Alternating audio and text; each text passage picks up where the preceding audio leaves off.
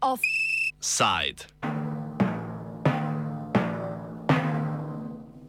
Plastika bo znanstvena fantastika.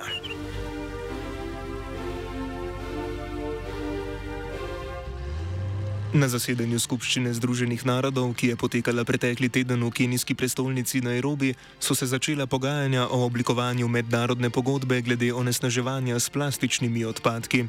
Slovenski predstavnik je bil okoljski minister Andrej Vizjak. Glavni namen skupščine je bila ustanovitev mednarodnega odbora, ki bo do leta 2024 oblikoval pravno zavezujočo pogodbo o omejitvi onesnaževanja s plastiko, ki ne bo zajemala le reciklaže plastičnih odpadkov, temveč tudi tudi proizvodnjo iz plastike izdelane embalaže.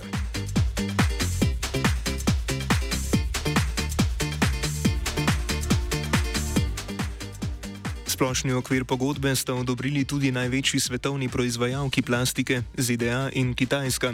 Kljub temu pa podrobni ukrepi, ki jih bo vključevala mednarodna pogodba, niso bili predstavljeni, saj se bodo države o upeljavi mehanizmov za zaščito okolja pogajale na skupščini, ki bo potekala v drugi polovici letošnjega leta. Čeprav sankcije in določila pogodbe ostajajo nedorečena, pa je zasedanje ključnega pomena za omejevanje nadaljnega onesnaževanja s plastiko. O zasedanju smo podrobneje govorili z Jamesom Wakibijo, okoljskim aktivistom in novinarjem iz Nairobija, ki oriše problematiko naslovljeno na konferenci.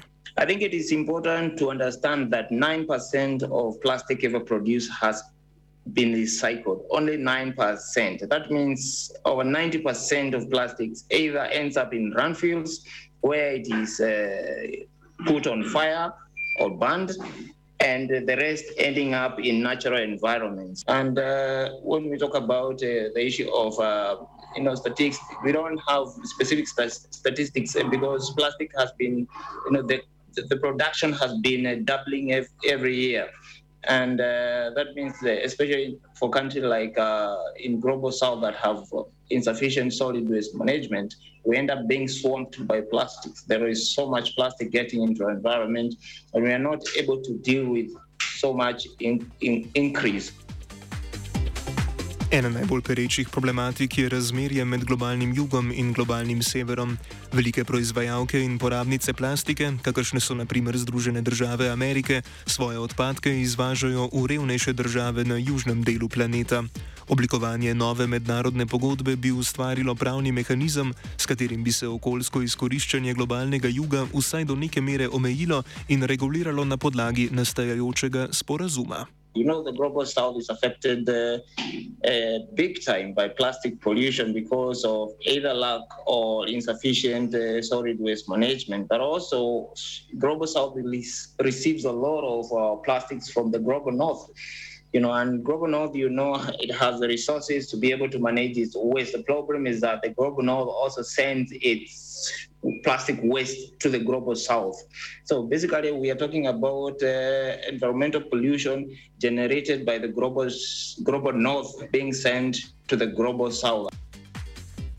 Novi sporazum bo prinesel novosti na področju proizvodnje plastike, preoblikovanja plastičnih izdelkov za lažjo reciklažo, obenem pa bi natančneje določal politiko odlaganja odpadkov.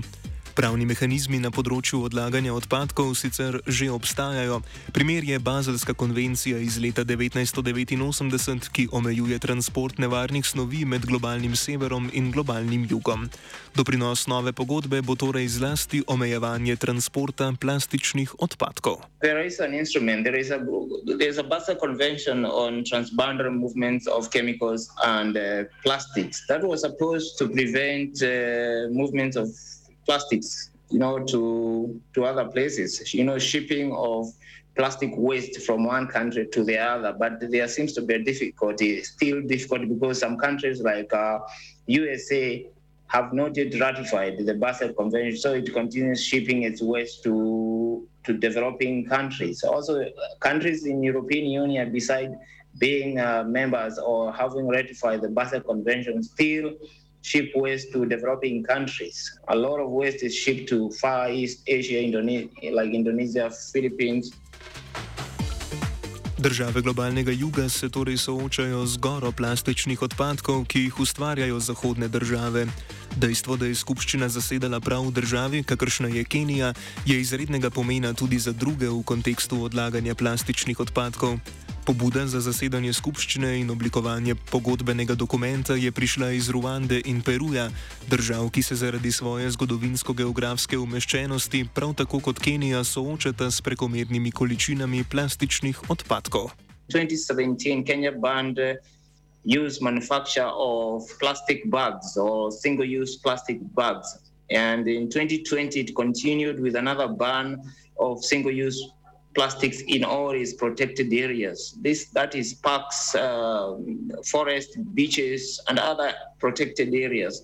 That means a lot. And this coming to Kenya, the United Nations Environmental Assembly, and passing a, a resolution to address plastic uh, pollution, you know, lifts Kenya at a global, you know, at a very important uh, level in the in the in the globe where it comes to the issues of fighting plastic pollution. We are a leader.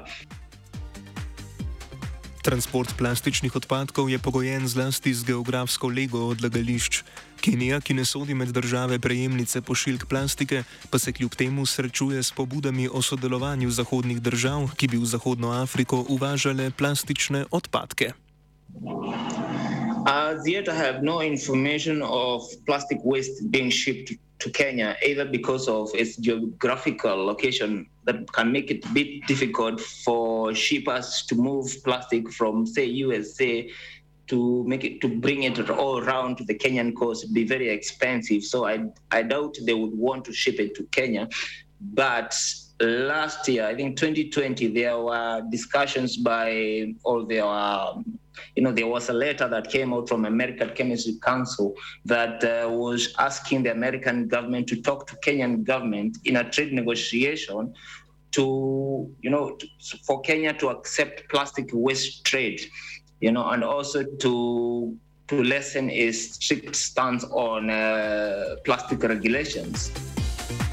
Plastika, ki se kopiči na prostih poljih mnogih držav, pa ni edini način onesnaževanja narave s plastiko. Dojemanje onesnaževanja s plastiko je največkrat omejeno na prizore za plat smeti v oceanih ali rekah, a onesnaževanje s plastiko v veliki meri poteka na bistveno bolj subtilen način, razloži Jaka Kranc iz nevladne organizacije Ekologi brez meja. Zagotovo je plastika v manjših koščkih, kot je vedno bolj prisotna ali pa tudi bolj nevarna.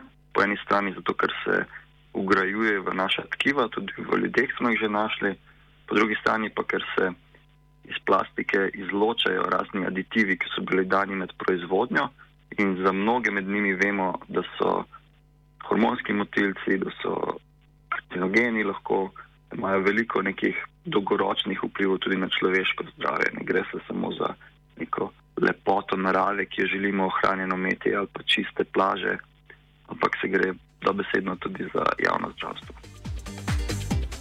V času pandemije smo bili priča mnogim poročilom, ki so izpostavljala začasno izboljšanje nekaterih ekološko kritičnih območij. V mnogih primerjih je ustavitev življenja dala okolju nekakšen oddih, kljub temu pa se je količina plastičnih odpadkov v zadnjem času povečala prav zaradi pojava novega koronavirusa. Pomemben povzročitelj povečanja plastičnih odpadkov so gotovo hitri antigenski testi. In fact, it's very interesting because while we were at the United Nations Environment Assembly, you know, you were supposed to do ra- uh, rapid test every morning, and all the delegates were doing that. And you know, the, you understand they were using uh, single-use, uh, you know, plastics for that purpose. So it really it's it's it's a hard question sometimes trying to separate when we don't need single-use plastics and when we actually do need them because we need to have sustainable alternatives that will completely replace uh, single-use plastics. Globalna konvencija o končanju onesnaževanja s plastiko zagotavlja minimalni standard pri ukrepanju držav proti onesnaževanju, ki je po konvenciji opredeljeno v širšem kontekstu.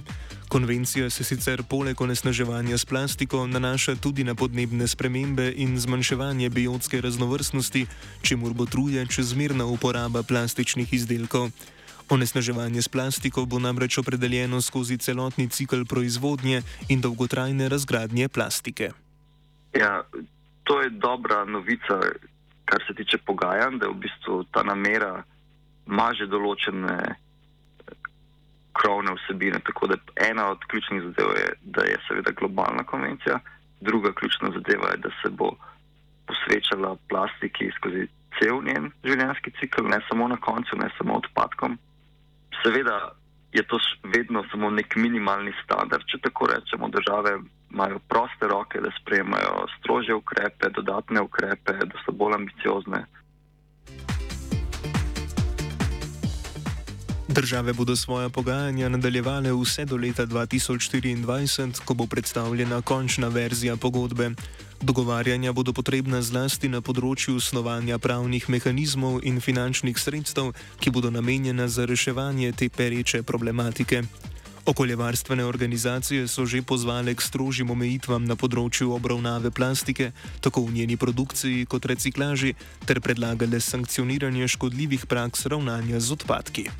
Do leta 2024 velikih sprememb na področju mednarodnih pravil ravnanja z odpadki ni pričakovati. Do takrat razpolaganje z odpadki ostaja v domeni posameznih držav, kar pomeni tudi nadaljne okoljsko izkoriščanje globalnega juga.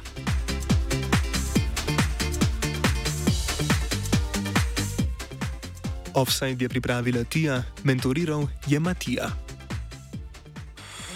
Oh. Oh. Oh.